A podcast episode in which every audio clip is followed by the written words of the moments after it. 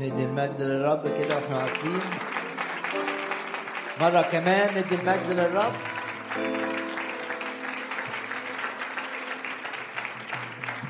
ونهتف للرب الملك الحاضر معنا في الوسط ونقول هللويا.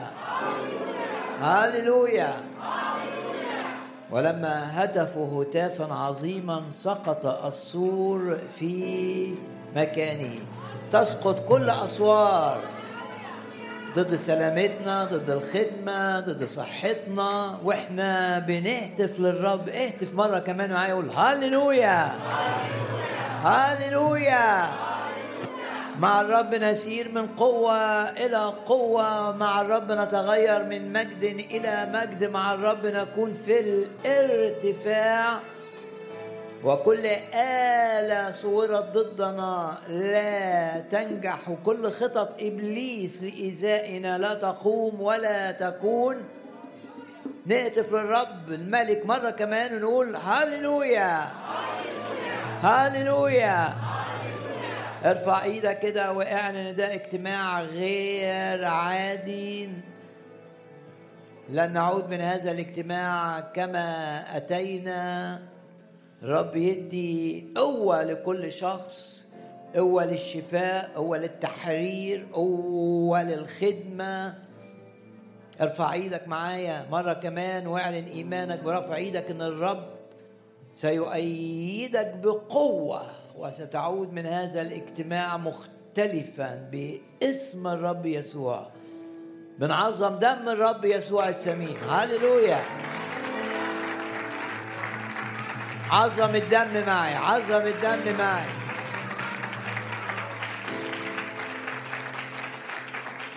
بنغلب إبليس بنغلب أرواح شريرة أرواح المرض أرواح الغي أرواح الضعف. بنغلب قوى الظلمة.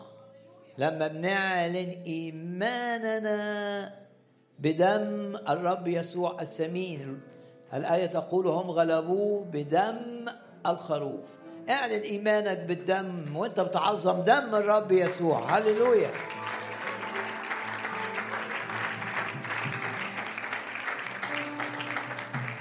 خطايانا مغفورة بالدم مبررين بالدم مقدسين بالدم. في العهد الجديد بسبب إيماننا بالدم وساحقين قوى الظلمة وندوس على الحياة والعقارب ونبطل نشاطها لأننا نؤمن بدم الرب يسوع السمين. عظموا الدم مرة كمان.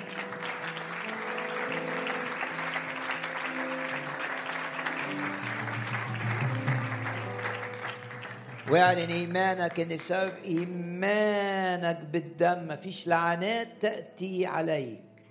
لا حسد يضرك ولا سحر يؤذيك ولا لعنات متوارثة تأتي إليك. الدم الثمين يعلن أن المسيح افتداك من اللعنة. الدم الثمين يعلن أنك تتمتع بحماية كاملة ومرة كمان نرفع إيدينا ونؤكد كل آلة صورت ضدنا. لا لا لا تنجح. ولو في أموري ضدك بتشوف الآية بتقول إن الرب قد أبت من أمامك الاموري مهما كانت قوته مهما كانت صعوبة القضاء عليه. قول للرب كده قد علمت أنك تستطيع كل شيء ولا يعثر عليك أمر. الرب يبيد كل أموري واقف في سكة أي شخص يسمع هذه الكلمات وإدوا المجد للرب مرة كمان.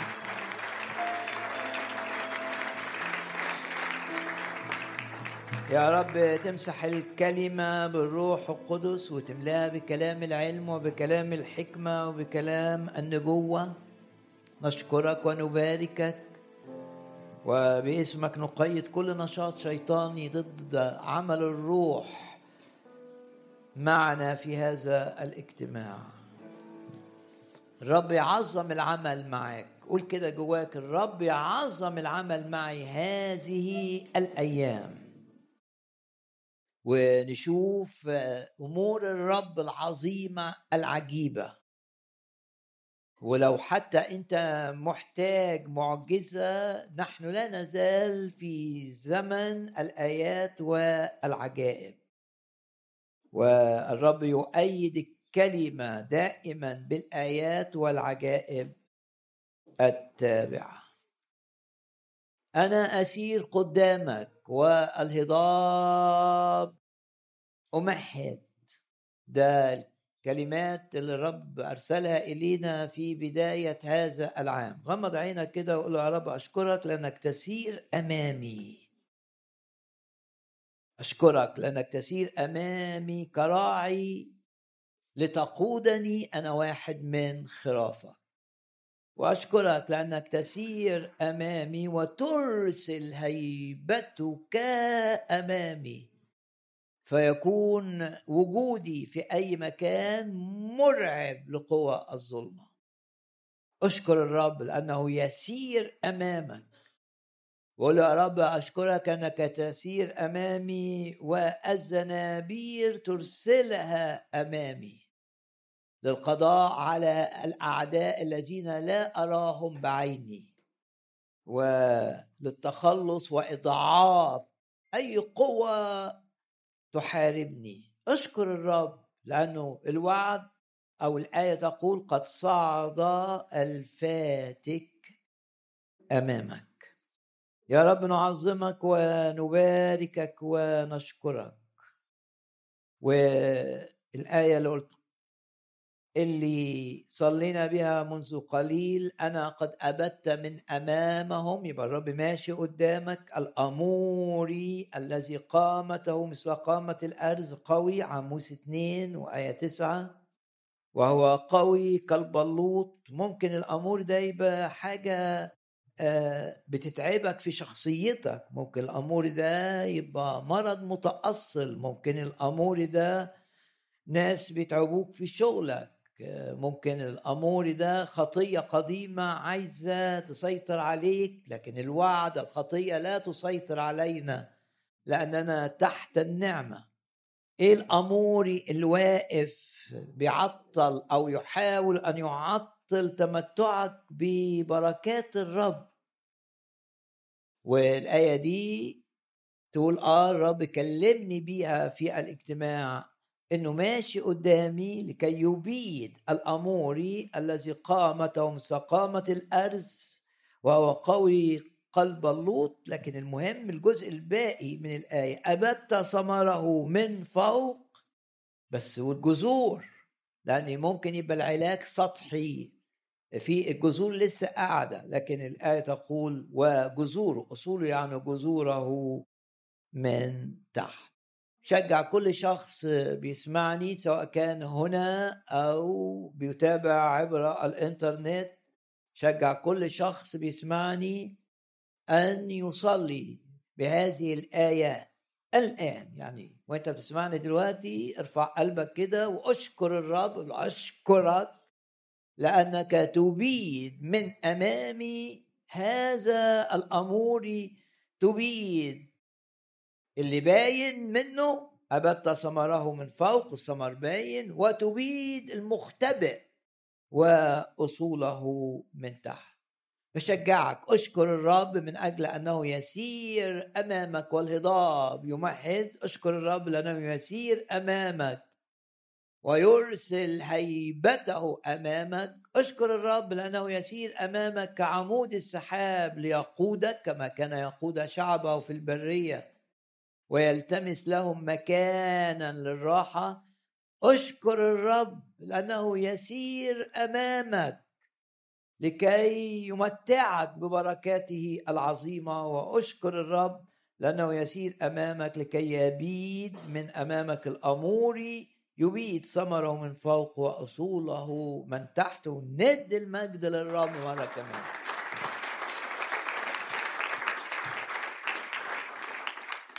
والآية المشجعة لنا في هذا الاجتماع آية معروفة من آه، سفر يونان. الرب يفكرك بهذه الكلمات الأصحاح الثالث. ثم صار قول الرب إلى يونان ثانية قائلا قم اذهب إلى نينوى المدينة العظيمة ونادي لها المناداة التي أنا مكلمك بها. آية عظيمة جدا. ليه الآية دي عظيمة؟ لأن إحنا عارفين القصة قصة يونان معروفة تماما.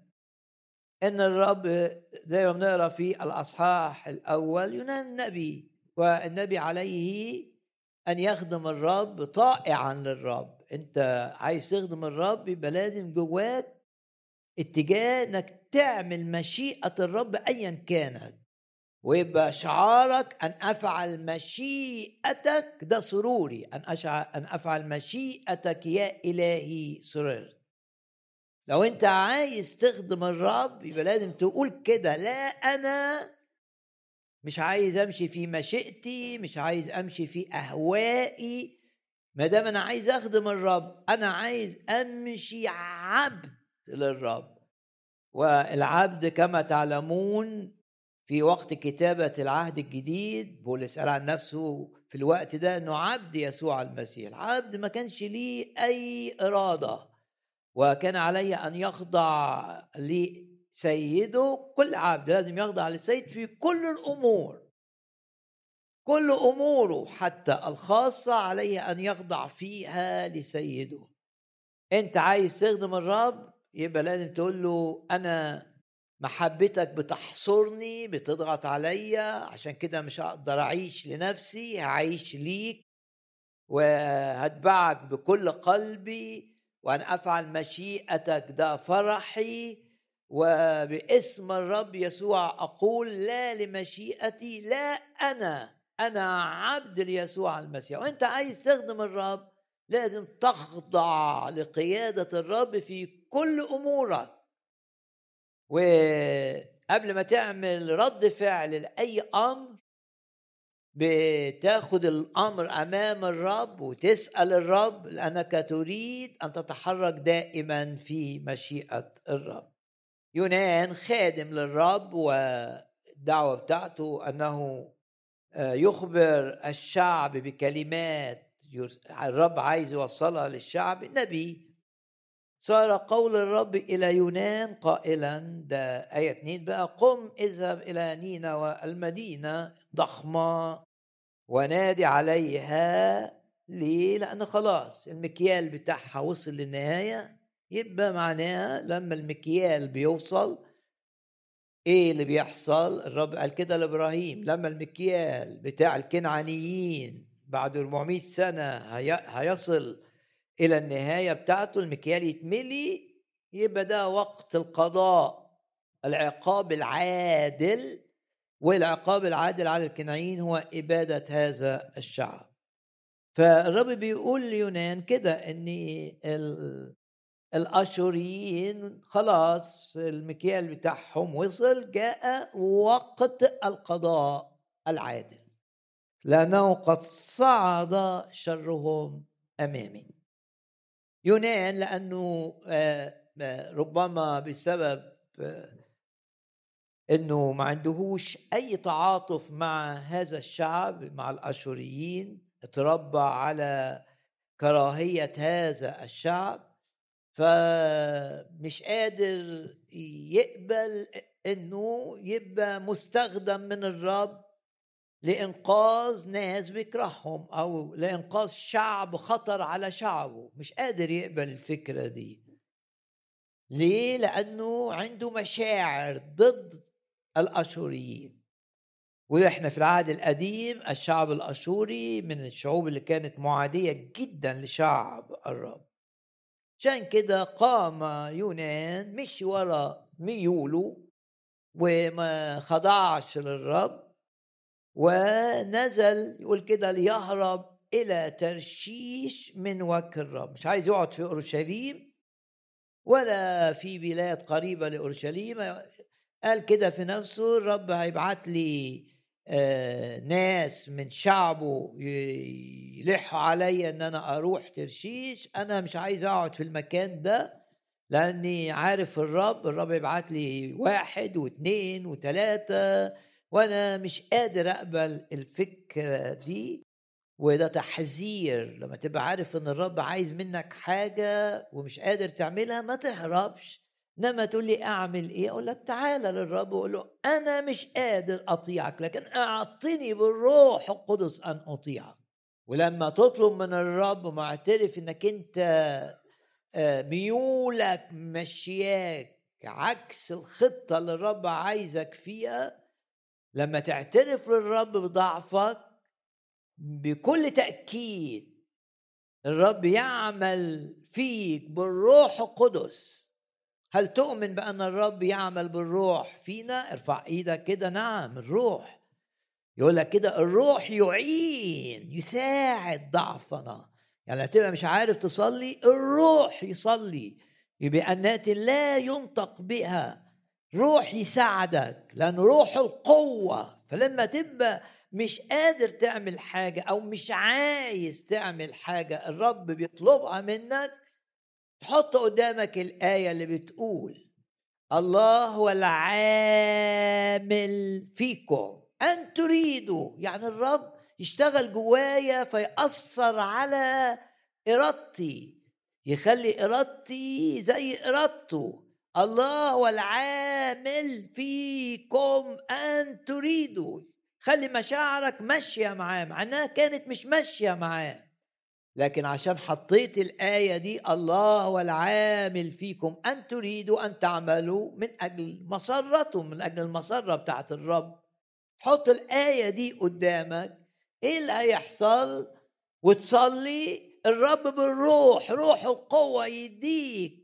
أن تطيع الرب بكل كيانك وتبقى قادر تقاوم أهواءك وميولك. أحيانا بتبقى الأهواء عايزة تمشيك ناحية العالم. لما تعترف للرب إن أنت عندك ميول للعالم وضعيف وفي حاجات بتغريك وفي حاجات بتنجذب إليها ومش قادر تقاومها وفي حاجات في العالم بتجذبك فالنتيجة تلاقي نفسك فاتر والنتيجة تلاقي الحرارة الروحية راحت منك والنتيجة تلاقي الطعام اللي بتاكله زي ما شعب الرب لما بسبب الضعف الروحي ما كانش قادر يستطعم المن الجميل اللذيذ. لما تلاقي نفسك كده بس ترمي نفسك على الرب وتقول له أنت تشتغل فيا الروح القدس يخليك قادر أن تقاوم ميولك اللي عايزة تمشيك بره قصد الرب منك. والآية تقول الذين هم للمسيح قد صلبوا الجسد مع الأهواء مع الميول والشهوات. بدل ما يونان يركع ويصلي ويطلب من الرب إن الرب يلمسه من جوه ويديه الرغبة في إنه يطيع قام يونان ليهرب إلى ترشيش من وجه الرب. ده في الأصحاح الأول. وعارفين القصة وعارفين أن نتيجة أن هو ما طاعش الرب لأنه نبي امتيازاته عظيمة فعشان كده كانت معاملات الرب معاه قوية قوي. لما تبقى عندك امتيازات الرب عطاها لك فتعاملات الرب معاك لما تبقى عايز تمشي عكس مشيئة الرب تبقى تعاملات قوية. والنتيجة إن يونان لقي نفسه خلاص هيموت في المية وبعد كده هيموت جوه آه، السمكة الضخمة دي اللي مترجمة هنا الحوت لكن الترجمة الأدق سمكة ضخمة. لا صلى ونقرأ التسبيح. صلى يونان إلى الرب إلهه من جوف الحوت الاصح اثنين وبعدين نلاقي وأمر الرب الحوت فقذف يونان إلى البر. يونان خلاص أنقذ من نتيجة عدم طاعته للرب. وتقدر تتخيل معايا كده يونان قاعد في البيت بتاعه ولا قاعد في أي حتة آه الرب تعامل معاه علمه درس لكن في الآية اللي بتشجعنا هي الآية المعروفة في الأصحاح الثالث فوجئ النبي يونان إن الرب بيقول له قم اذهب إلى نينوى المدينة العظيمة. آية مشجعة جدا جدا جدا. لأني أكيد لو أنت مكان يونان مش هتتوقع أنقذتني وطلعتني من الحوت لكن عشان تصدق إن بعد اللي عملته إن الرب هيستخدمك مرة أخرى صعب لكن صعب عند الناس سهل عند الرب. الرب دائما دائما عايزك تعدي مرحلة الفشل وعايزك تعدي مرحلة التعثر وعايزك تعدي آه، آه، المرحلة اللي أنت بعدت فيها عن خطة الرب لحياتك. الرب عايزك تعبر وعايز يرجعك أفضل مما كنت. وعشان كده بيقول كأنه بيقول ليونان أن أنت فقدت الثقة في نفسك كخادم لكن أنا لازلت أريد أن أثق فيك ولا زلت أريد أن أستخدمك. ولو في أي حاجة عطلت خدمتك للرب أو عطلت حياتك كشخص مؤمن بيحب الرب وبدل ما كنت تروح في السكة رحت في سكة عكسية إلى العالم إلى ترشيش الرب لم لم لم يطرحك الرب لا يزال يقول لا أهملك ولا أتركك والرب يريد أن يخدم أن يستخدمك من جديد. وكلمة رائعة صار قول الرب إلى يونان إيه ثانية لما نضيع فرصة نخدم فيها الرب لازم نبقى واثقين. إحنا اللي ضيعنا. آه يونان اللي ضيع فرصة عظيمة يخدم فيها الرب في مدينة آه نينوى ضيع فرصة عظيمة. وشاف النتيجة اللي عمله. لكن لما بنضيع فرصة ونتعلم الدرس الرب نقدر نسميه إله الفرصة الثانية إله الفرصة الثالثة إله كل نعمة. بص للرب كده وأشكر الرب إنه دائما دائما دائما متمسك بيك ودائما يريد أن يستخدمك. ومهما كان اللي حصل أنت سبب فيه ناس سبب فيه مهما كان اللي حصل. وبعدك عن إنك تمشي كما يريدك الرب وتمشي في خطة الرب مهما حدث. اعلن إيمانك معايا أن الرب يريدك كما كما لو كان مفيش حاجة حصلت. يعني يونان كده بيسمع الصوت كما لو كان ما عملش أي غلط.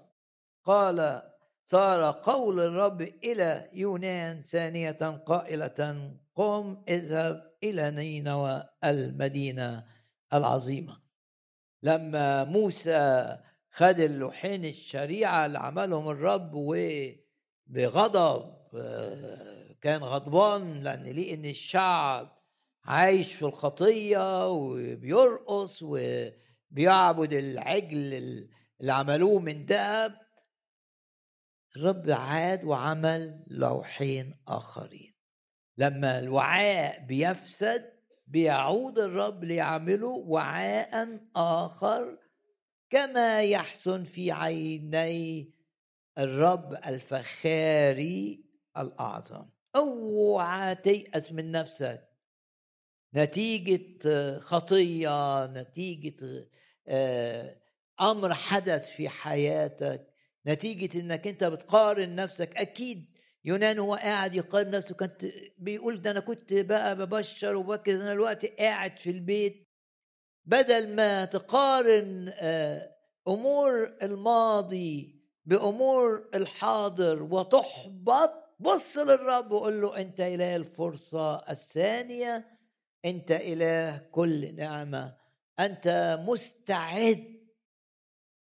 وعاء فسد أنت مستعد أن تصنعه وعاء آخر. مهما كان اللي حصل في شخصيتك في نفسيتك في معنوياتك أكيد. آه، يونان تعبان وتعبان من التجربة وتعبان من اللي حصل وإزاي؟ وأكيد. هيبتدي بقى يلوم نفسه ويقعد ينحصر في ذاته. وكان الأصول أعمل كده. شيطانا دايما عايزك تنحصر في نفسك ويحسسك بالندم وعايز يحسسك ليه ما عملتش كده وكان الأصول تعمل كده ما تعملش كده. لكن الرب بيتعامل معاك بالنعمة ما تسمعش أي كلمات تحبطك وأي كلمات تضعف معنوياتك. ثق أن الرب يتعامل معك بحسب غنى نعمته بيتعامل معاك بالنعمة عظيمة إله كل نعمة. شوف كلمة تعبير كل نعمة. يتعامل معاك بالنعمة. وإيه معنى أن الرب يتعامل بالنعمة؟ يعني يقول لي خلاص لا دينونة الآن مفيش دينونة عليك. ما تقعدش تلوم نفسك ما تقعدش تقول لي يا ريتني كنت عملت كذا يا ريتني كنت كذا. لا ما تقعدش تضيع وقتك ومجهودك الذهني في حسابات من هذا النوع وتقول أنا ليه عملت كده؟ وكان ما تضيعش وقتك تمسك بالآية اللي في رسالة روميا لا دينون الآن على الذين هم في المسيح يسوع. تقعدش تأنف في نفسك. استسلم لمحبة الرب لا يزال يحبك محبة الرب لك لم تضعف. بسبب أي أمر حدث ولن تضعف تمسك بمعاملات الرب أنه يتعامل معك بالنعمة والنعمة معناها أن الرب بيعمل حاجات حلوة جدا معاك أنت لا تستحقها. هي دي النعمة. لو أنت تستحق إن إن يتعمل فيك حاجة كويسة من الرب دي مش نعمة. إنما النعمة إن الرب يعمل معاك أعمال عظيمة أنت لا تستحقها. تمسك بإن إلهك هو إله كل نعمة وامتلئ بالإيمان أن الرب سيعطيك فرصة جديدة تعويضية للفرص التي أضعتها سواء بجهل سواء بخداع من الشيطان. لا تلوم نفسك لأن دم الرب يسوع فيك كل الكفاية أن يطهرك من هذه من نتائج هذه الأخطاء. تمسك بدم الرب يسوع الثمين وقول أنا مبرر بالدم أنا طاهر كلي أمام الله بسبب إيماني بالدم. أنا آه، واثق إن الرب يتعامل معي بالنعمة لأنه دفع ثمن أن يتعامل معي بالنعمة دفع الثمن كاملا في موته من أجلي على الصليب. قول كلمات الإيمان التي ترتكن إلى كلمة الرب. قول كده الرب يتعامل معايا بالنعمة. ولهذا أنا مش هقعد ألوم نفسي أنا مش هقعد في عقد ذنب أنا أثق في الغفران الشامل أنا أثق إن أنا مبرر أنا أثق إن الرب آه، جعلني طاهرا أمامه إلى الأبد.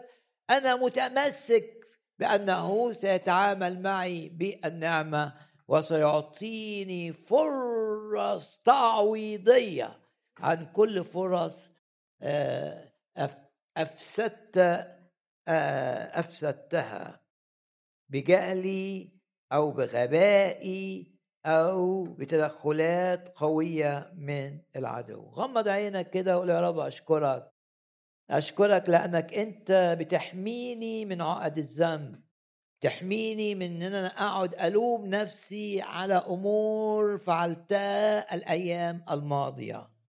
مش مش هقعد بقى انحصر إن أنا قصرت في أمر معين وإن أنا كان ممكن أعمل كده وكان ممكن أروح نينوى وما رحتش وكان ممكن أكلم فلان وما كلمتش.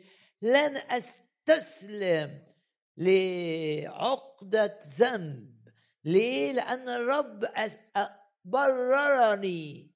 لأن الرب محى اسامي لأن لا دينونه الآن علي. لكن هتمسك بإيه بالنعمة؟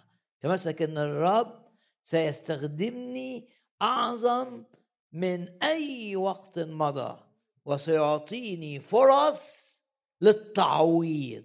والآية دي آية عظيمة لأنها تتكلم بوضوح أن الرب لا يريدنا لا يريدنا أن نستمر في الفشل ولا يريدنا أن نستمر في نتائج الفشل.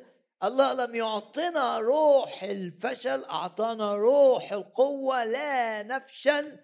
إحنا فشلنا لكن هو في الكفاية إن يحول فشلك إلى نجاح وإن يطلع من الجافي اللي عملته يطلع من الجافي اللي عملته حاجة حلوة حلاوة. ويطلع من التدمير اللي عملته حاجة نافعة مفيدة. ما الشيطان عايزك تقعد تحاسب نفسك و وتهد في نفسك وانت غلطت وانت سبب إن الأسرة بتقع وانت سبب إن أولادك مش عارف يحصل لهم إيه وانت عملت كذا. شوف دم يسوع الثمين يبطل كل شكاية وكل اتهام. ده اتهام متأسس على حقائق. نعم. لكن مع هذا الدم فيه الكفاية لإبطال هذه الاتهامات حتى اللي بتعتمد على وقائع حدثت.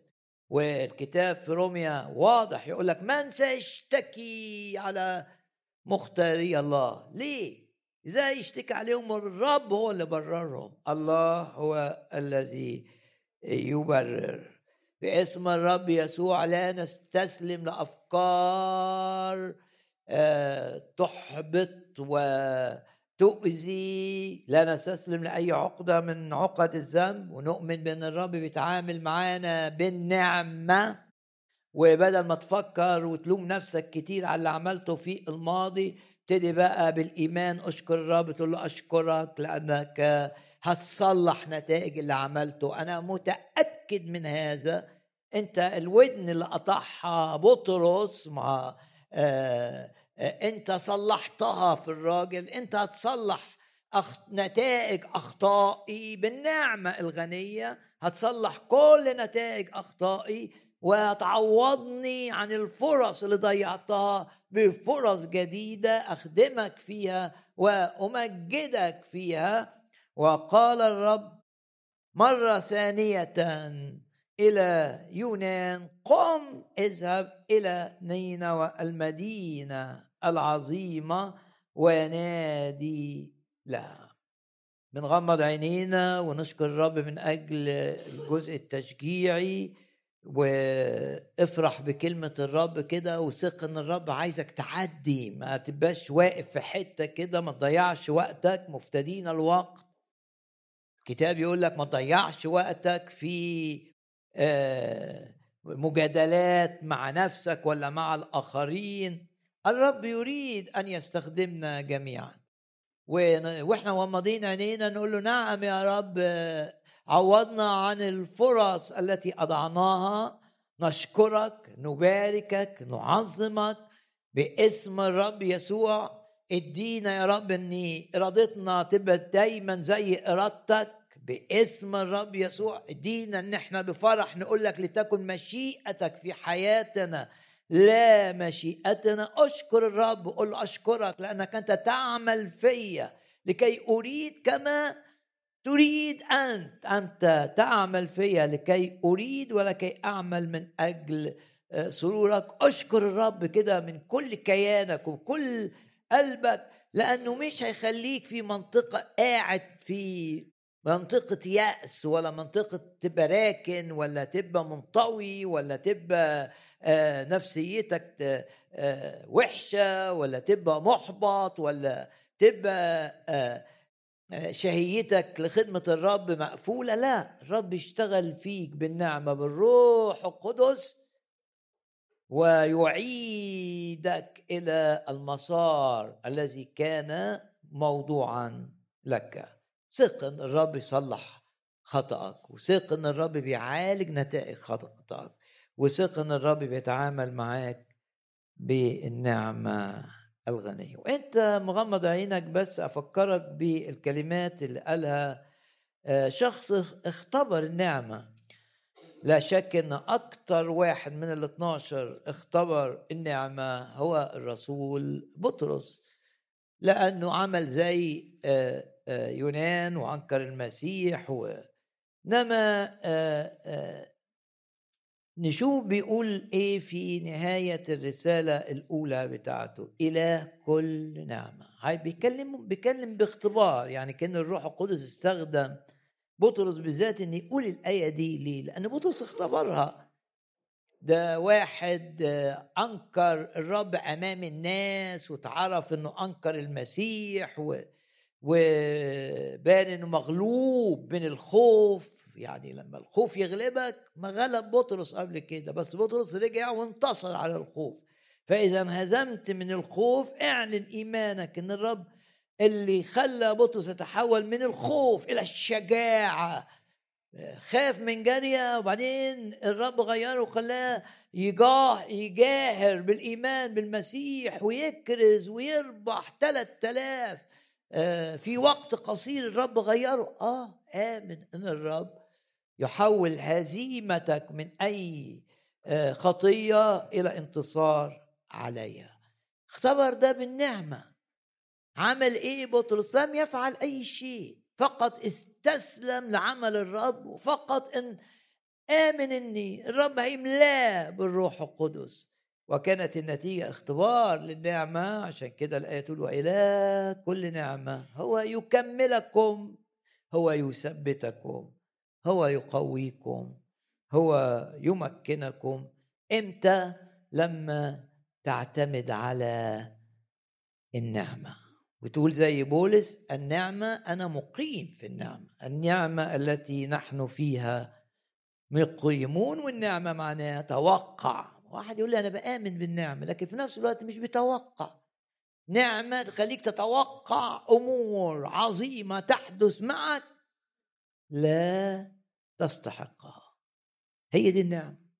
ده تتوقع مش تؤمن بالنعمة ويكون تفكيرك لا يتوقع أعمال الرب العظيمة التي لم تفعل شيئا لكي تكون مستحقا لها. هي دي النعمة. أنت ما عملتش حاجة تخليك تستحق كده كان متوقع كده. ليه؟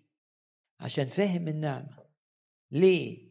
عشان كل الرسائل تلاقي فيها كلمة نعمة. في رسائل تبدأ بالنعمة وتنتهي بالنعمة. ليه؟ عشان الرب يسوع خلاك مقيم في النعمة. فعلشان كده دايما ما بتركزش على نفسك ما بتركزش على آه إنك أنت بتعمل كذا بتركز على محبة الرب وعلى حبه ليك وعلى إنه بيديك فرص تعويضية عن أي فرص ضاعت منك. باسم الرب يسوع نمتلئ بالإيمان إن لو أي حد فينا ماشي بيتصرف في أي أمر بره مشيئة الرب الرب اللي اعاد بطرس واللي اعاد يونان نعلن إيماننا أنه يعيد هذا الشخص اللي طالع بره مشيئة الرب إلى الخطة التي وضعها الرب لي لأن زي ما بتقول رسالة أفسس ونفكر أنفسنا بالآية دي إن إحنا مدعوين إن نعيش في أعمال حاجات سبق الله. وإيه؟ وأعدها. يعني الرب عامل لك خطة كده. سبق الله وأعدها عشان تمشي فيها. بس أنا مش ماشي في الخطة اللي الرب عداها ليا. بس لما أثق في النعمة إن بسبب النعمة الغنية همشي في الأعمال التي سبق الله وأعدها لكي أسلك فيها. لما أثق في النعمة بكل تأكيد. إلهك الأمين سيتعامل معك بالنعمه باسم الرب يسوع لا للفشل. نعم نعم لمعاملات الرب اللي مليانة محبة واللي مليانة نعمة. صلي إن الرب يستخدمك وإذا كانت حاجات في حياتك منع استخدام الرب ليك قل له يا رب أنا واثق إنك تتعامل بالنعمة والحاجات اللي منع استخدامك ليا تزيلها تماما. مش قال كده أنا أسير قدامك والهضاب امهات حين الهضاب دي بتبقى مننا إحنا. أمور في تفكيرنا غلط أمور في مشاعرنا غلط إعاقات إحنا سببها أو إعاقات سببها إبليس آمن معايا قول يا رب أشكرك ما دي صلاة الإيمان إنك أنت تزيل كل حاجة معطلة إن أنا أكون في مشيئتك في الخطة اللي أنت واضحها ليا في الأعمال اللي سبق وعددتها لكي أسلك فيها. أشكرك.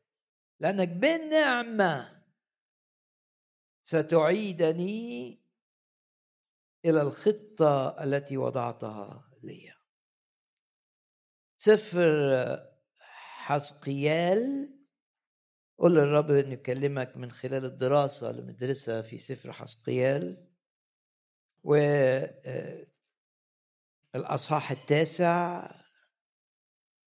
كان لينا في من الرب دروس عظيمة الأسبوع الماضي. نثق أن الرب بي بيكمل العمل معانا من مثله معلما بيجدد ذهننا بالكلمة.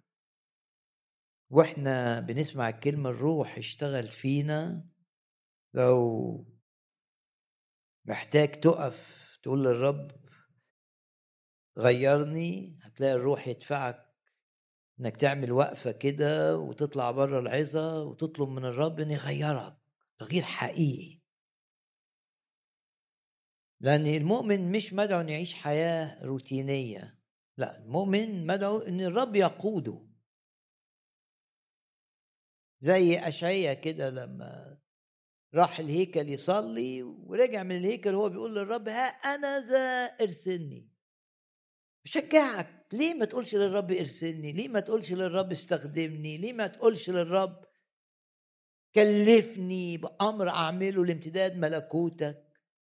شجعكم تصلوا.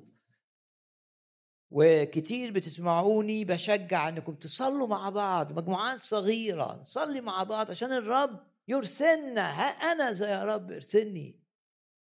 عشان الرب يستخدمنا.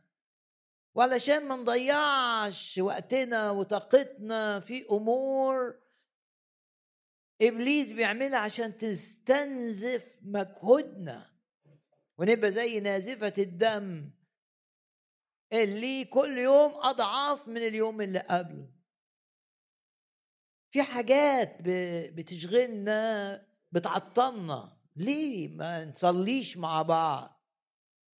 من أجل أن نخدم الرب بكل كياننا. وإن إحنا نبقى في مشيئة الرب. وإن الرب يتحكم بقى في الشغل بتاعنا وفي السكن نعيش فين من أجل أن نكون خدام ليه. صلي هذه الصلاة من قلبك الآن. يا رب لا أريد أن أكون في مشيئتي أريد أن أخدمك. وباسم الرب يسوع تكسر اجتماعات الصلاة الصغيرة كل مجموعة متجانسة مع بعض. زي ما أحيانا آه، يطلعوا يقضوا وقت مع بعض. لا طب ما يقعدوا مع بعض ويقضوا وقت مع الرب يصلوا عشان يمتلئوا بالروح القدس. وبامتلاءهم بالروح القدس يعملوا نهضات. يقول لك يزرعون جنات يعملوا نهضات في الدوائر المقيمين فيها. باسم الرب يسوع. رب يهيمن على تفكيرك عشان تعرف إن حياتك ليها معنى عظيم. بس إبليس عايزك تعيش كده عادي مؤمن عادي. لكن الرب لا يريدك مؤمنا عاديا. الرب يريدك مؤمنا مملوء بنار الروح القدس. عايز بكل كيانك يكون لك دور في امتداد ملكوت الرب. ودور في ربح النفوس. حسقيال الأصحاح التاسع. و حسقيال راح في رؤية إلى أورشليم. الرب عايز يعلن له ان أورشليم ستدمر. طب هو كان عايش فين؟ حسقيال في الوقت ده. كان في بابل مع الناس اللي اتثبت يقول لك كنت بين المسبيين بس في طيار كان وسط شعب الرب المسبي في بابل اللي اتاخد بالقوة من بلده وراح يعيش كمواطنين درجة ثالثة في مدينة بابل. كان في طيار بيقول إن في كلمة من الرب إن إحنا نرجع إلى أورشليم بعد وقت قصير. وانتشر التيار ده من خلال نبوات ومن خلال أحلام. الناس كلها حلمت أو ناس كتير يعني حلمت نفس الحلم انهم يرجعوا أورشليم قريبا. لكن كل ده ما كانش من الرب. وكان الرب لا يترك شعبه يخدع. يعني أنت لو صدقت إن الرب يحميك من الخداع لن تنخدع. واستخدم في أورشليم أرميا واستخدم في بابل حسقيال بابل مع المزبين في حسقيال وارميا مع الشعب اللي كان لسه موجود في أورشليم. ورسالة ارميا زي رسالة حسقيال لا. لن نعود إلى أورشليم قريبا لأن أورشليم ستدمر. وده رجاء كاذب لأنه مش من الرب. ده مش وعد حقيقي من الرب. وعشان كده الكتاب يقول لك امتحن كل شيء. لازم تبقى متأكد. والروح القدس يؤكد لك إن ده اللي يعمله الرب معاك. وده اللي عليك يجب أن تقوم به. والرب عايزك تعمل كده لازم تتأكد. هما الناس اللي قالوا لهم أنبياء وأحلام بس وراء أرواح غي أرواح خادعة. مش كل الأحلام بتبقى من الرب رغم إن شكلها روحي هترجعوا أورشليم. لكن الرب لم يترك شعبه يخدع وبعت لهم في الناس اللي ببابل حسقيال والناس المقيمة في أورشليم أرميا النبي. أعلن إيمانك أن إبليس لا يستطيع أن يخدعك. وإن الرب يحميك من إنك تقبل أي تعاليم لا تتفق مع كلمة الرب. روح قدس ينبهك وإن الروح القدس ينبهك إنك لا تسير في طريق مش من الرب ليك. والروح القدس ينبهك إنك ما تتمسكش بوعد ليس لك. أنت متخيله لنفسك لا يرتكن على كلمة الرب. ما فيش عندهم آيات في الكتاب تقول إنهم هيرجعوا من السبي بسرعة. إنما ده الرغبة البشرية اللي كانت بره مشيئة الرب لأن الرب كان عايز شعبه في بابل سنوات طويلة عشان يتعلم الدرس وعلشان لا يعود إلى الحماقة اللي كان فيها. حسقيال بقى تاخد بالروح من أورشليم من بابل وراح أورشليم وشاف بقى الفظائع اللي مع تحصل في الهيكل هيكل مليان ناس قادة الشعب بيحاولوا إرضاء الآلهة بتاعة المصريين عشان آلهة المصريين يأثروا على فرعون ففرعون يجي يساعدهم. تخيلات! دول القادة بتعود الشعب. سبعين شيخ ده كان في الأصحاح الثامن.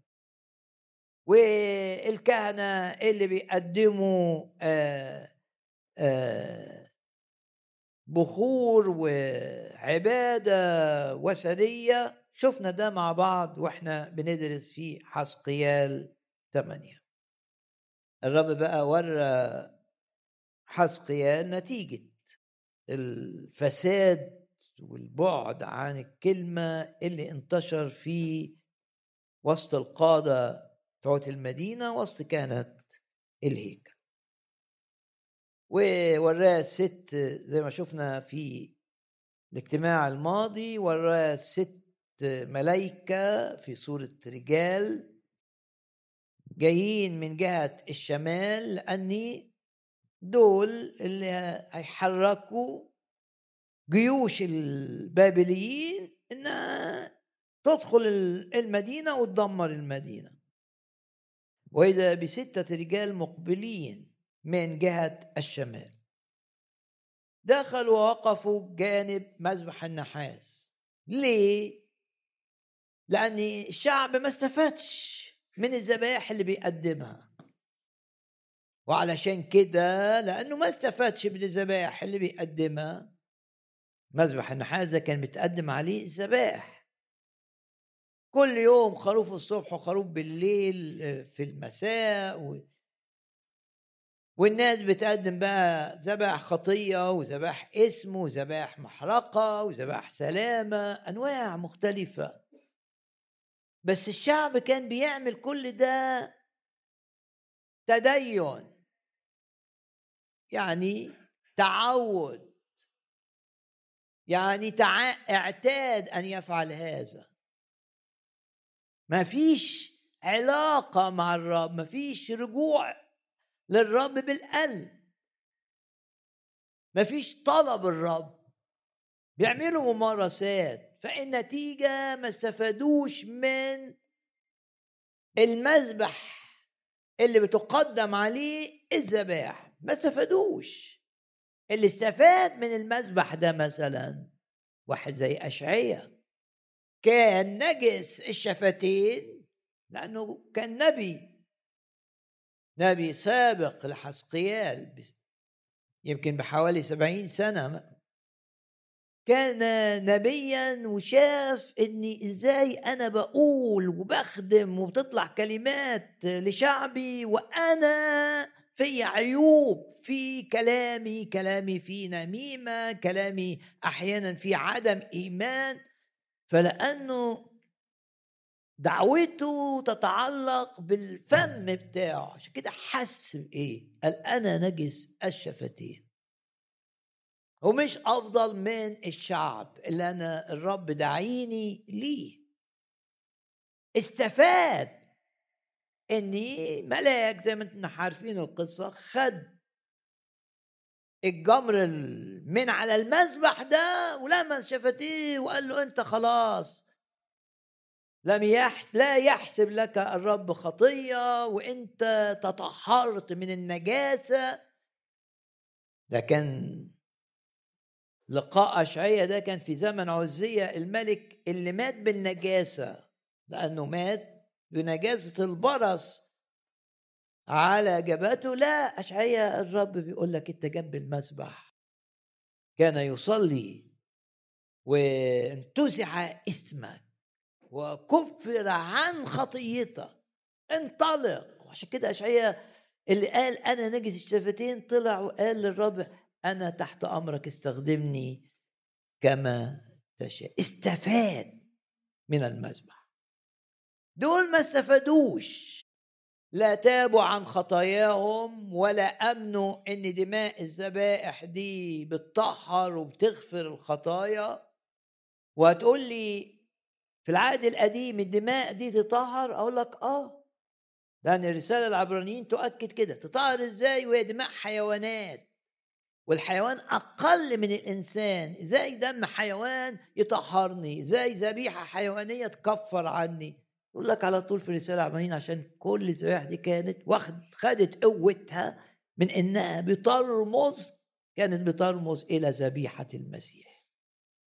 يعني اللي طهر اشعياء المذبح اللي بيرمز للصليب وخد قوة التطهير من كونه بيرمز لصلب الرب يسوع وموته من أجلنا ودمه المسفوك. الذي يطهر من كل خطيه عشان كده وقفوا جانب المذبح عشان يقولوا لهم إيه؟ أنتوا تستحقوا العقاب. ليه؟ لأنك ما استفدتوش من اللي عمله الرب من أجل غفران خطاياكم. أنتوا تستاهلوا العقاب. آه إحنا الإنسان يستاهل العقاب لما ما يستفدش من موت الرب يسوع من أجله. ولو انت كارز بتكرز للناس جزء من الكرازة انك انت لو ما آمنتش هتهلك. عشان ما تهلكش لازم تحتمي في اللي عمله الرب على المذبح الحقيقي الصليب. عشان ما تهلكش لازم تؤمن بان الرب تحمل العقاب بدالك وذبح عشان انت تاخد حياة. بس ده جزء أساسي. ان ناس تعرف ان بدون المسيح الطريق مفيش طريق. مفيش حياة.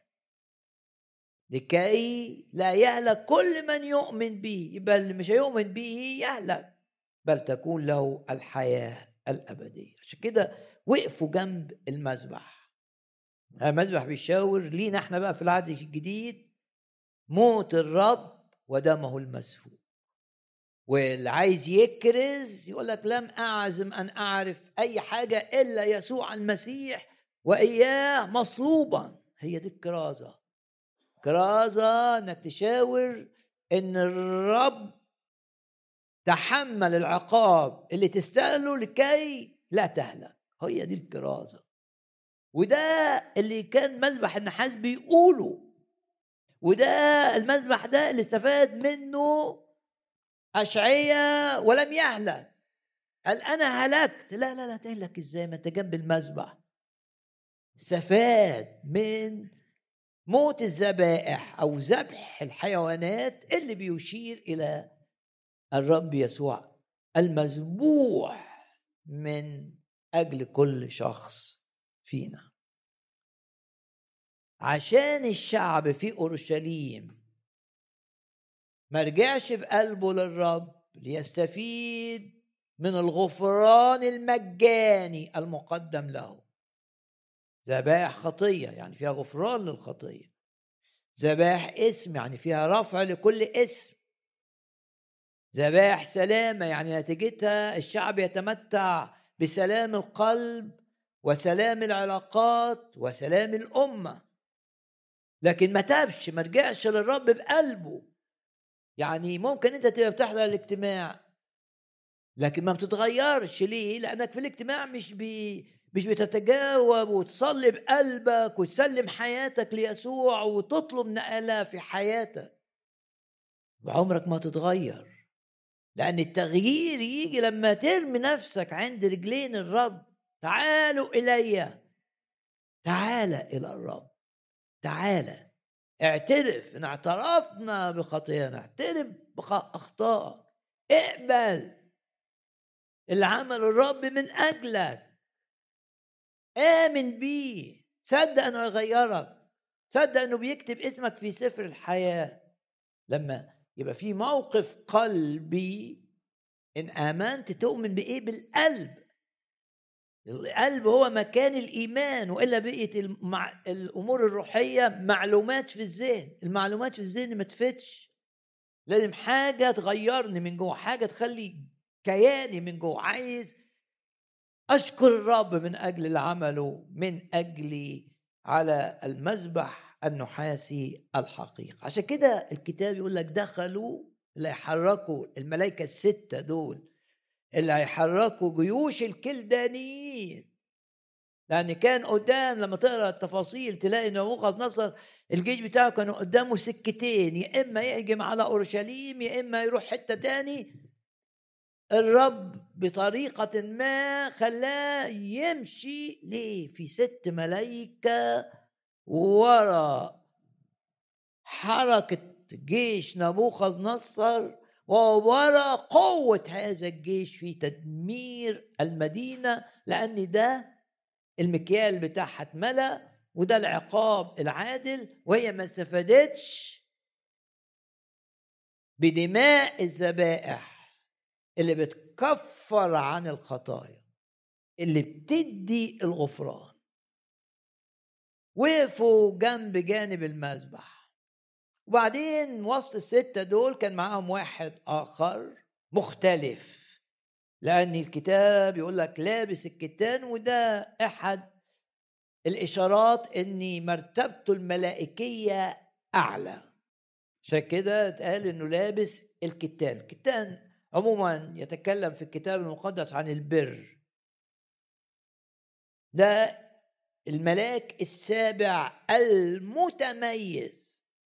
الستة دول كل واحد فيهم معاه أسلحة ليه؟ لأنهم هيحركوا جيوش الكلدانيين إنها تهجم على أورشليم وده اسمه في الكتاب عمل الرب الغريب ليه؟ لأن الرب دائما عايز يبارك وعايز يرحم وعايز ينجي ويعفو فينجي وعايز يدي فرصة تانية وتالتة ورابعة. إنما لما الناس تستنفذ كل الفرص يا ما كلم الشخص يا ما بعت له خدام يا ما خلى ناس تاخدوا مؤتمرات وسمع دعوة وسلم حياتك ياما ولم يتجاوب يجي وقت خلاص. استنفذ الفرص. ولما يأتي هذا الوقت هيبقى خلاص. زي الناس اللي كانت بتشوف نوح خدت فرصة طول ما نوح بيبني. الفلك بيسألوه بتبني الفلك ليه؟ عشان هيحصل كذا وكذا وكذا وكذا وكذا. كان خادم بيكرس لكن رفضوا. سنين طويلة يرفضون لحد ما جه الطوفان وقضى عليهم. الستة معاهم الأسلحة إشارة الملائكة دول حركوا الكلدانيين عشان يجيبوا عقاب الله العادل العادل العادل بعد استنفاذ شعب المدينة لكل الفرص. عقاب عادل جاي. إنما الراجل اللي لابس الكتان ده معهوش أسلحة. وزي ما تأملنا في الأسبوع الماضي معاه أدوات كتابة يعني حبر على إقلام على مخطوطة يكتب أدوات أدوات الكتابة. وعادة الأدوات الكتابة دي كانت تتحط في المنطقة أو الحزام اللي على الوسط. يعني دول ماسكين يقول لك كده دول كل واحد عدته المهلكة بيده. ده بقى شايل معاه قلم حبر هيكتب. ومستواه أعلى. كانت الرسالة ببساطة إن الرب آه، ده جاي ينقذ. دايما الرب عايز ينقذ مش عايز يدمر. ولما تتقفل كل الأبواب والناس تستنفذ كل الفرص يبدأ يعمل ما نقرأ عنه في الكتاب إن ده عمله الغريب وفعله الغريب. لأن الرب ما بيحبش يعمل كده. الراجل بقى اللي لابس الكتان ده اللي بيشيل الحبر معاه قال له الرب اعبر في وسط المدينة وابدأ بقى روح من وسط أورشليم وسم سم سمة حط علامة كده وسمة دي قلنا في الأصل العبري آخر حرف من حروف الأبجدية العبرية حرف الت حرف رقم 22 وقال له آه، دعا الرجل اللابس الكتان وقال له اعبر في وسط المدينة أي أربعة وسمسمة علامة يعني على جباه الرجال. مين الرجال دول؟ يقول لك الذين يئنون ويتنهدون على كل رجسات الشرور المصنوعة في أورشليم. ده عنده تمييز. هيختار من الناس الأشخاص المخلصين للرب. وسط الطيارات الوثنية اللي انتشرت في أورشليم والأصنام المعمولة وتمثال الغيرة اللي اتعمل في هيكل الرب والعبادات الغلط والسبعين شيخ اللي بيمجدوا أو القادة اللي بيمجدوا آلهة المصريين والناس اللي بتعبد آلهة بابل وأشور كل ده حوالين الهيكل والنساء اللي باصة اللي بتبكي على إله وثني مصدقة قصة خرافية. لا بس في ناس وسط كل ده يعلمهم الرب. روح حط علامة على جبهة كل شخص من هؤلاء. علامة. بسبب العلامة دي الستة اللي هم يحركوا جيوش الكلدانيين لتدمير المدينة ست ملائكة دول يجوا عند اللي واخد علامة ويبعدوا عنه. اللي عليه العلامة دي اللي حطها الملاك اللي لابس كتان يجي عنده وما يمسهوش. شوف التعبير لا تقربوا من إنسان عليه. السم ويبقى هنا الرحمة بتاعت الرب بتفتخر على القضاء لأن اللي هيعمل العلامة مستواه في الملائكة أعلى من مستوى الستة. ليه؟ الدليل إنه لابس لبس متميز. لابس لبس ده كان لبس الكهنة في العهد القديم كان يرتدي ثياب من كتان والكتاب حريص انه يقول لك في وسط الستة رجل لابس الكتان. بالقلم بتاعه بالحبر بتاعه بيحط علامة على كل شخص. ما مشيش مع الطيار ما قالش ما كل الناس بتعمل كده أنا أعمل كده. أوعى ده تكون لغتك. تقول كل الناس بتعمل كده ليه أنا ما أعملش؟ لا تقول كل الناس بتعمل كده مش ده المهم. أنا عايز أبقى مطيع للرب. أنا عايز أبقى خاضع لكلمة الرب. وبكل تأكيد لما تطيع كلمة الرب في وقت كل الناس مش بتطيع في كلمة الرب أنت في سمة في علامة على جبهتك في عالم الروح. بكل تأكيد في بركات من الرب ستأتي إليك. ليه؟ عشان قاومت تيار الإجماع كل الناس بتعمل كده كل الناس بتهرب من الضرايب كل الناس بتروح مش عارف الحفلات اللي فيها آه، مجلس المستهزئين كل الناس آه طب ما كل الناس ما عشان كده قال الكتاب الرب قال للناس اللي معاه لا تخف أيها القطيع الصغير قليل آه كل الناس صحيح لكن في ناس وسط مدينة أورشليم مش كده. وجه الوقت اللي يبان نتيجة أنا أقبل الرب في وقت الناس بتعبد الرب عبادة مظهرية. ودي من الحاجات اللي تميز أواخر الأيام.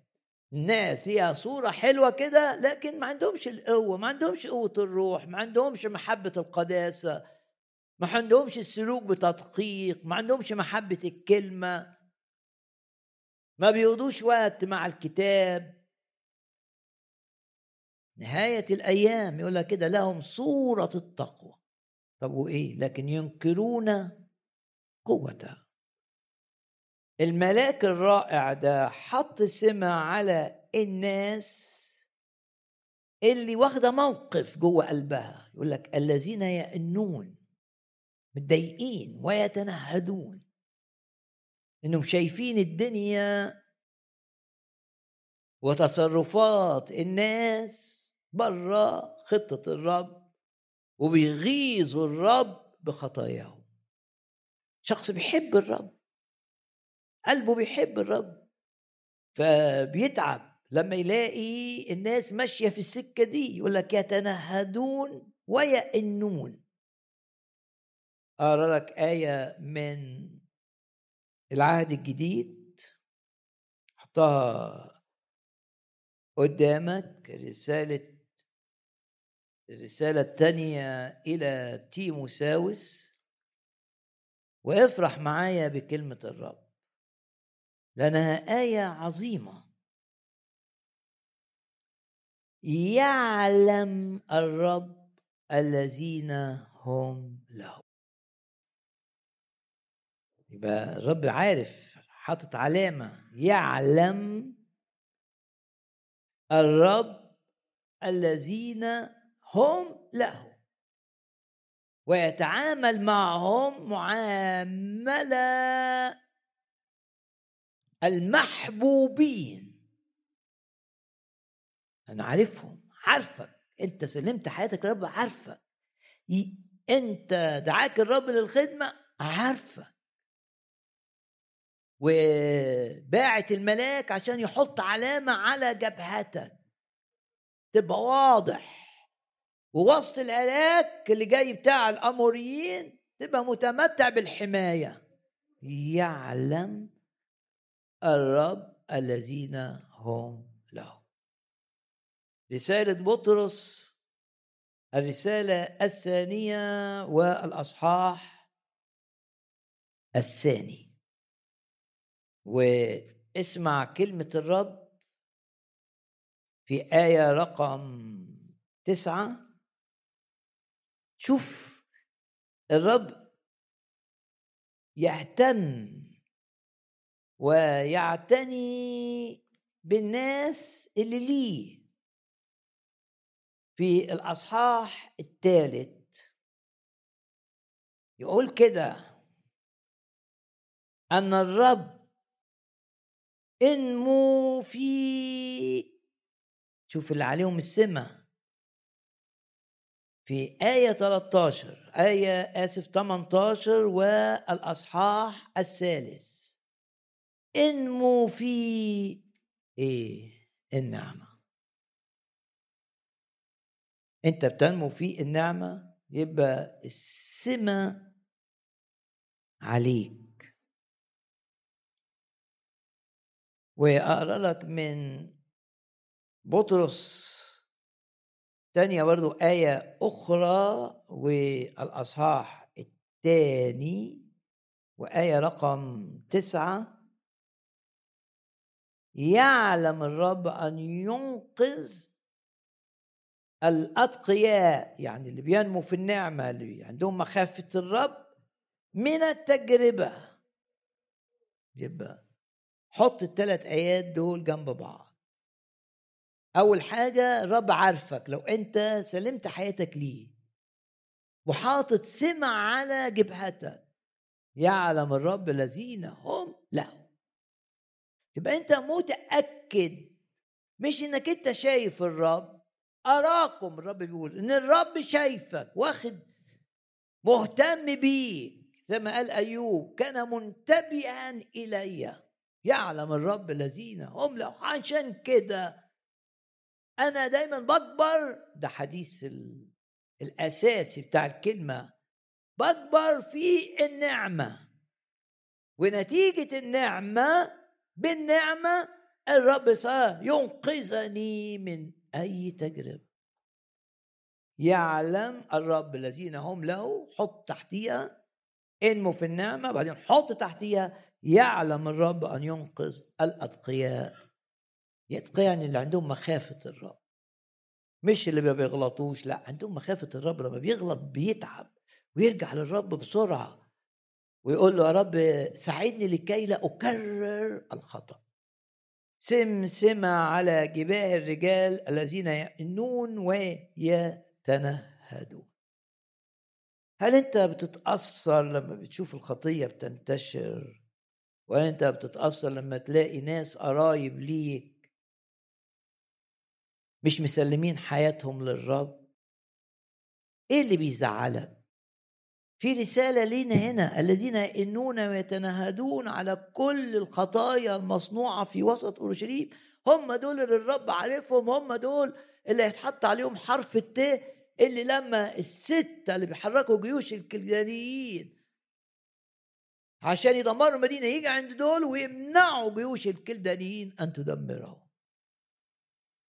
حاجة في عالم الروح. زي ما شفنا كل الناس اللي في اللي ساكنة في أريحة اتقتلت ولا سيما اللي ساكنين في السور بتاع المدينة لأنه كان بيبقى سميك. فممكن يبقى في بيوت في بطن السور كده. كلهم هلكوا واحدة. بعيلتها ما هلكتش اسمها رحب. يعلم الرب إن دي تبعه.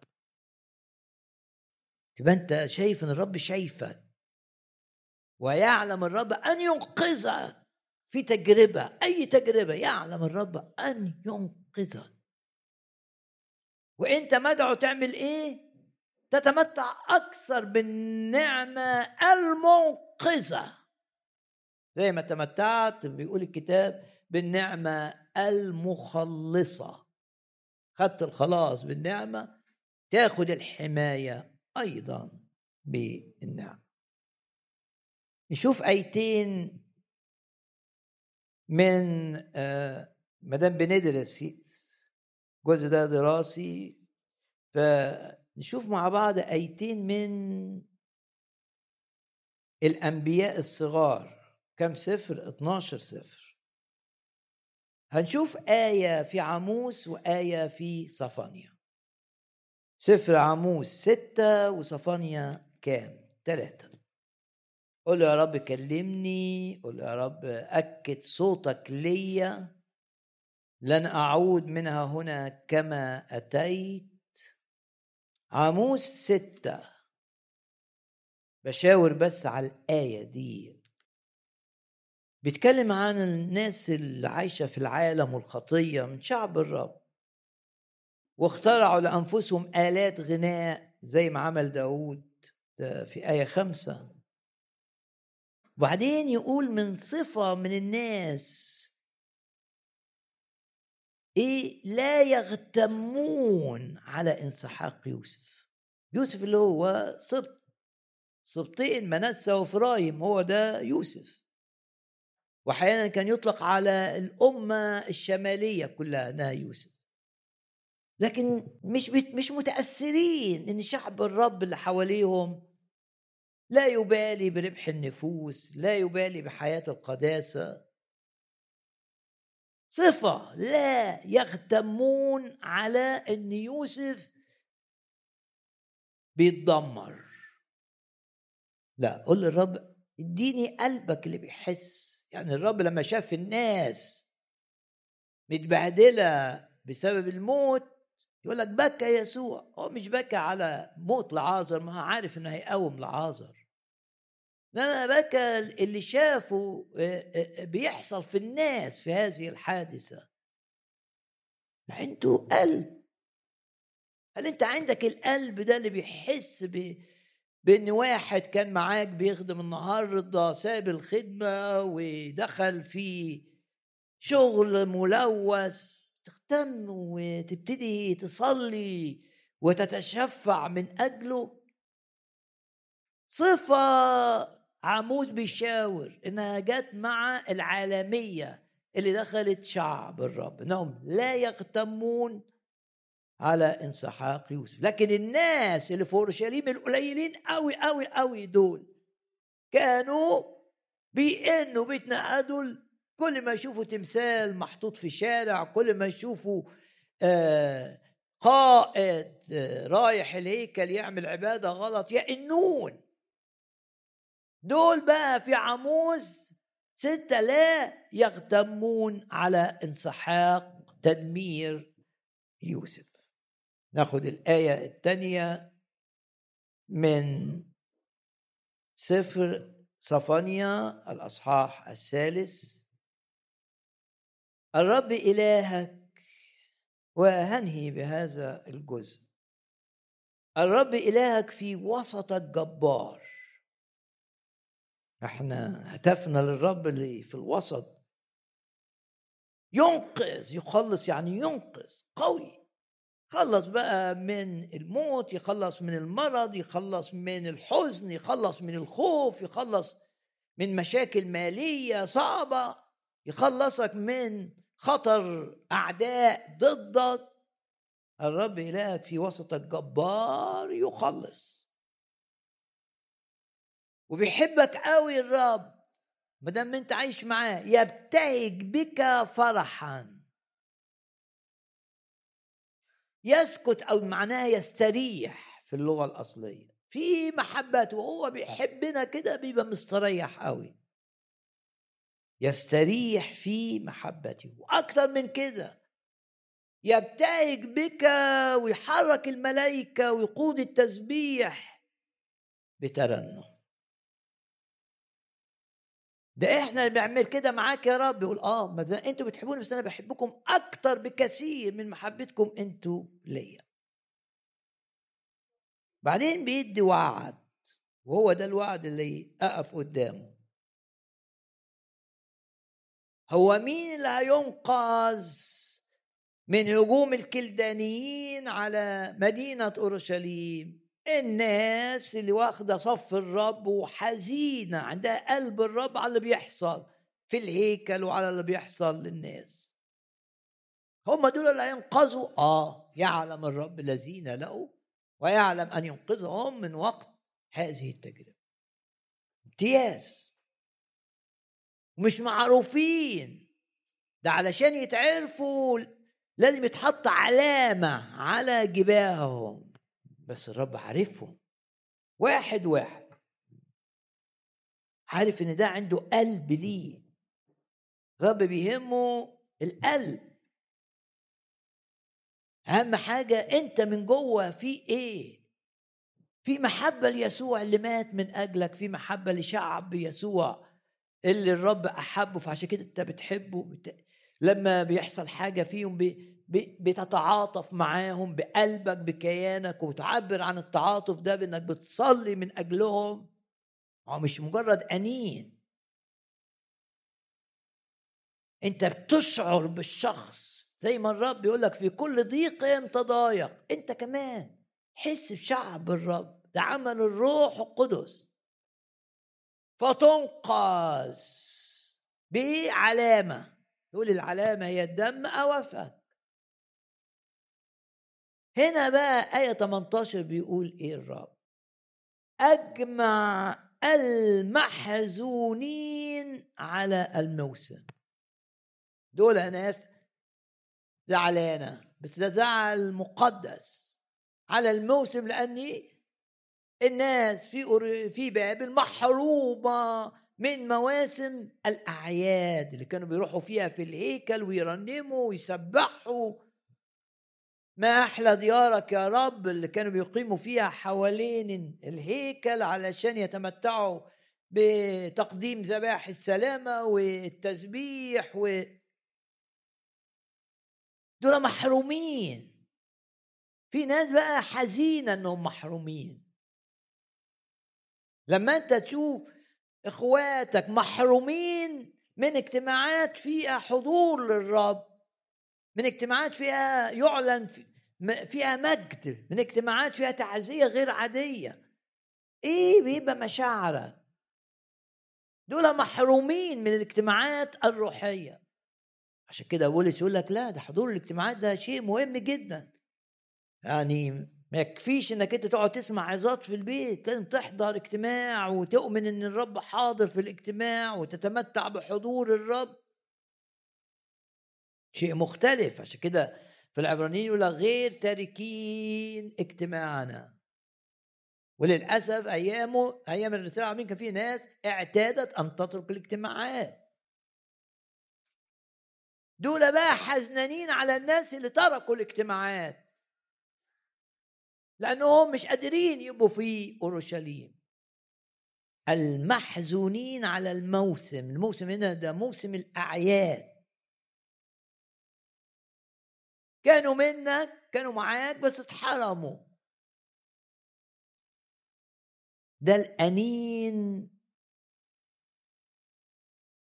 اللي الرب يريد أن يراه فينا. تبقى زعلان على الناس اللي ما بتحضرش. وتبقى عايزهم يحضروا. وتجتهد إنك تجيب ناس لموسم. في كرازة لموسم في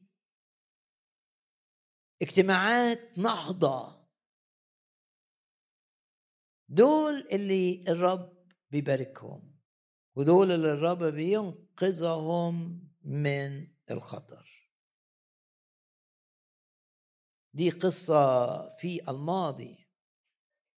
الناس اللي انقذوا من الكلدانيين بسبب إنهم بيئنوا وبيشعروا باللي بيحصل.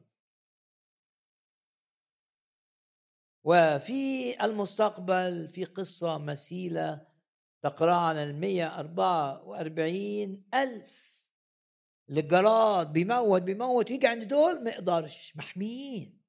ده في المستقبل. وبرضو اتحط عليهم علامة من الرب على جبهتهم. غمض عينك كده و اسأل نفسك إيه اللي الرب كلمك بيه النهارده. الرب عايز يقول لك إيه. الرب عايزك مختلف عن الآخرين. الرب عايز مشاعرك تبقى زي مشاعر الرب. الرب عايز ينجيك من أي تجربة. الرب عايز ينقذك من الكلدانيين. الرب يعرف إنك أنت سلمت له حياتك يعلم الذين هم له ويعلم أن ينقذك من أي تجربة ومن أي ضغط ومن أي تهديد ايا كان. وفي سفر الرؤيا ده أمر سيحدث في المستقبل. 144 محميين من الموت بسبب العقارب الشيطانية. قيل له أن لا يضر عشب الأرض ولا شيئا أخضر ولا شجرة ما أنا بقرا من أصحاح تسعة في الرؤيا إلا الناس فقط. يعني دول جايين يضروا الناس. بس الناس كل الناس يقول لك لا الذين ليس لهم ختم الله على جباههم. ومين اللي اتختموا على الجباه؟ اللي هيكرزوا في العالم في ذلك الوقت؟ اليهود اللي عددهم 144 ألف 12 ألف من كل سبط تقراه في الأصحاح السابع. هيروحوا يخدموا؟ طب هيموتوا؟ لا. عليهم الختم وسمعت عدد المختومين مئة وأربعة وأربعين ألفا مختومين من كل سبط تطلع العقارب القاتلة تقتل كل الناس إلا دول. أشكر الرب أنه يحفظك من كل شر. أشكر الرب لأنه ينجيك من الوباء الخطر من المرض الخطير. ومن فخ الصياد. عشان في علامة عليك. ليه؟ عشان أنت عايش للرب. وبتتأثر بالأمور اللي ليها علاقة بالرب. ولما الرب فرحان بعودة الخاطئ أنت فرحان معاه. ولما المؤمنين بيحزنوا الروح القدس انت بتشعر ده بروحك وبتيجي تصلي من اجله ده نتيجته إيه؟ اللي بتقراه في سفر الرؤيا واللي قريته في حسقيال الأصحاح التاسع. علامة على جبهتك تمنع الملائكة اللي بتحرك البابليين الكلدانيين إنهم يجوا عليه هتعيش زي العالم العقارب هت شيطانية هتنهي عليك. تعيش مع الرب الملائكة تحميك. والملائكة اللي بيستخدمها الرب للقضاء يمنعها من إنها تقرب ليك. إيه اللي الرب لمسك بيه في الكلمة الدراسية؟ يا رب نشكرك ونباركك ونعظمك. نشكرك لأنك إله الفرصة الثانية كل شخص ضيع فرصة ثمينة في حياته.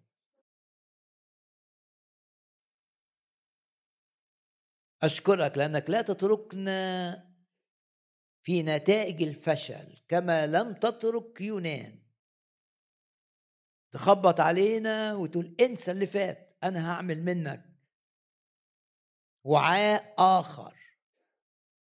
اطلع أنا مش قادر أطلع أنا بقول لك قم!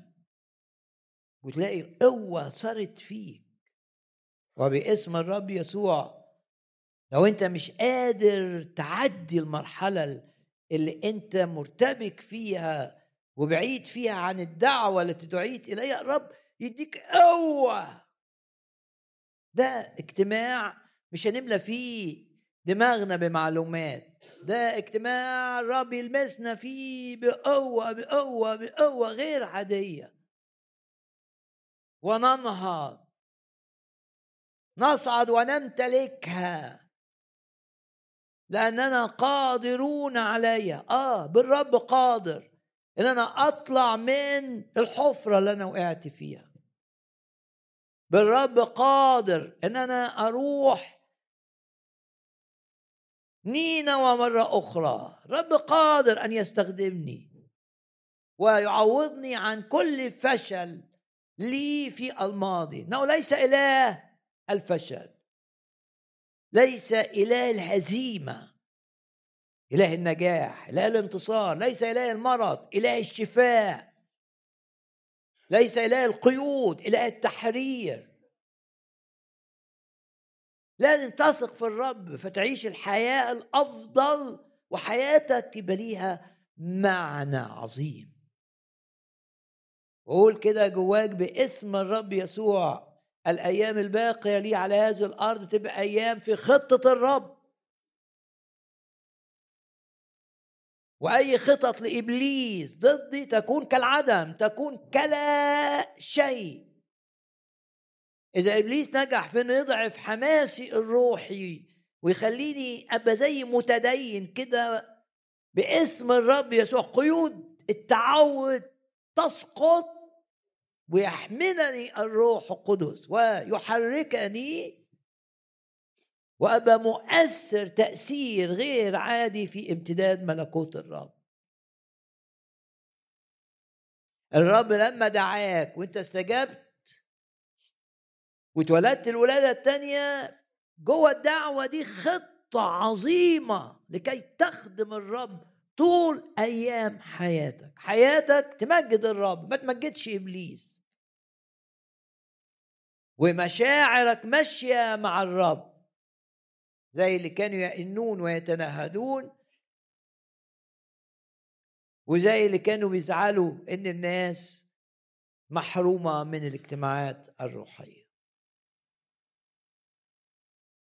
يا رب إلمس كل شخص يسمعني بروحك. خليه يشعر كل شخص إن فيه قوة في عمل الروح القدس غير عادي. تبقى جاي الاجتماع أفكار سودة. يأس. تطلع من الاجتماع فرحان لأن الرب شجعك ورفع معنوياتك وقال لك لا تلتفت إلى الوراء. سبت سدوم خلاص انطلق. لأن الرب يريد أن يصنع بك عجبا. وتكون من رجال الآية. اللي معاملات الرب في حياتهم رسائل لكثيرين وقول كده باسم الرب يسوع لن أعيش خارج مشيئة الرب وباسم الرب يسوع لن أصدق أحلام أو كلمات نبوية غاشة باسم الرب يسوع سأكون قادرا أن أمتحن كل شيء والرب يبعت لي أرمية الرب يبعت لي حسقيال لكي لا أنخدع. في الدقيقة الأخيرة من الوعظة دي ارمي نفسك على الرب وقول له يا رب ها أنا ذا واثق إني علامة الدم على رأسي واثق إنك تعلمني واثق إنك تنتبه إلي وأنا بسلم لك حياتي. تعوضني عن السنين التي أكلها اجرات وتستخدمني بقوة كما تشاء. لو مقيد بقيد جنس بقيد إدمان. الرب أي قيد قيد خوف قيد مرض أي حاجة. المحرر الأعظم هنا في هذا الاجتماع يأمر بتحريرك. بعمل خاص بالروح القدس. باسم الرب يسوع. لو جاي ضعيف مريض يعطي المعيا قدرة ولعديم القوة يكسر الشدة. الرب يلمسك. انت مش جاي عشان تتملي معلومات انت جاي عشان الكلمة تحرك مشاعرك. أليست كلمتي هكذا كما تنزل كده تنزل على عناد فيك وتدشدشه على مواقف غلط وتنهيها باسم الرب يسوع. نقف جميعا في محضر الرب الآن.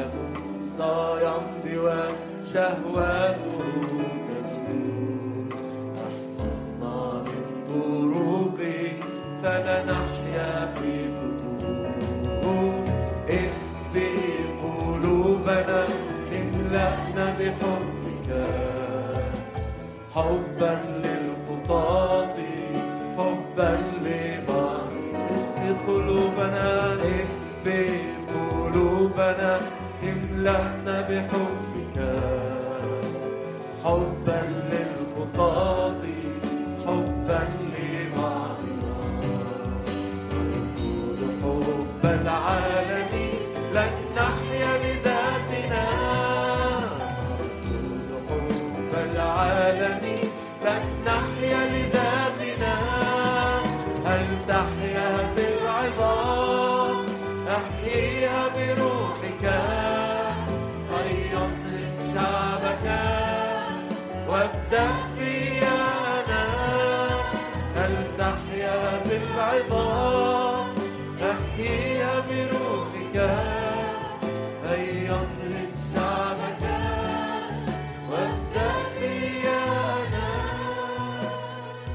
هللويا. نشكر الرب من أجل النقلات الروحية اللي بيعملها في حياتنا. نشكر الرب من أجل كلمته التي أرسلها إلينا. ونشكر الرب من أجل الروح القدس اللي بيعمل فينا بقوة. يا رب نشكرك لأنك ترسل كلمتك. دائما تعمل فينا. تجدد تفكيرنا. ترسل كلمتك تشعل قلوبنا. نحبك ونريد أن نخدمك أكثر من أي وقت مضى. تعمل معنا هذه الأيام أعمال عظيمة نتوقعها. ولا بعدم إيمان نرتاب في الوعود العظيمة. التي وعدتنا بها لأنك الإله الصادق الأمين. نشكرك لأنك تعظم العمل معنا في كل الدوائر بلا استثناء. وتصنع بنا مفتخرا. وحياتنا تكون شهادة لمحبتك ولأنك إله كل نعمة. تعالج أخطاءنا. تعالج نتائج اخطائنا نشكرك. تقفل بيبان الأذى وتفتح بيبان التعويض والنجاح والشفاء والثمر المئة ضعف نشكرك ونباركك ونعظمك. تحفظنا في مشيئتك ولا تسمح أن نخرج خارج مشيئتك ولا يوم واحد في حياتنا. ونستريح في حبك لينا واهتمامك بنا. تحملنا طول الأيام وتقول إلى الشيبة وإلى الشيخوخة أنا هو. أنا أحمل أنا أرفع أنا أنجي. نشكرك ونباركك ونعظمك. تنقينا من عيوبنا وتصحح أخطاءنا وتعمل في داخلنا لأنه مكتوب فوق كل تحفظ احفظ قلبك لأن منه مخارج الحياة. نشكرك من أجل الملائكة ونشكرك لأنك تقفل بيبان وتفتح بيبان عشان نبقى في مشيئتك في الارتفاع. في الدقيقة الأخيرة صلي من أجل أي شخص الرب يذكرك بيه. أو عيلة الرب يفكرك بيها. أو خادم الرب يضعه أمامك. ده وقت بنصلي فيه سواء كنت بتسمعني عبر الإنترنت ارفع قلبك من أجل شخص يضع الرب أمامك بثقة أن صلواتنا تحرك السماء والسماء تحرك كل شيء. يا رب أنت إله المعجزات الصانع العجائب وحدك. تملأ حياتنا بأعمالك العجيبة المدهشة. قد علمت أنك تستطيع كل شيء ولا يعصر عليك أمر. حرر يا رب خلص حرر إلى المنتهى. واشفي من الأمراض التي ليس لها شفاء لدى الأطباء. باسم الرب يسوع. منتصرين وأعظم من منتصرين. كلماتك في أفواهنا. قادره أن تطرد أي أرواح شريرة. ملتصقة بأي شخص في أي دائرة. باسم الرب يسوع. الآن إلى الترنيمة الأخيرة في الاجتماع. اصنع بنا نهضة كارزين باسمك. معلنين دمك. في وجه عدونا.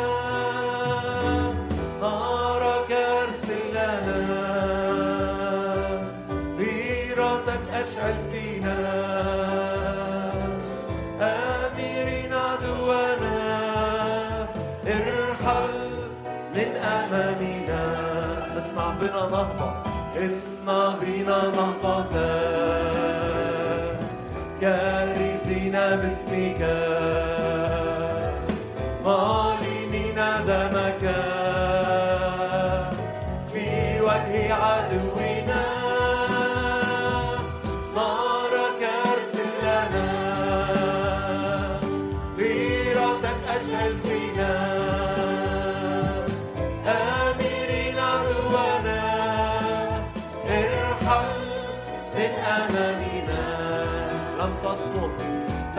تصمد في وجهنا.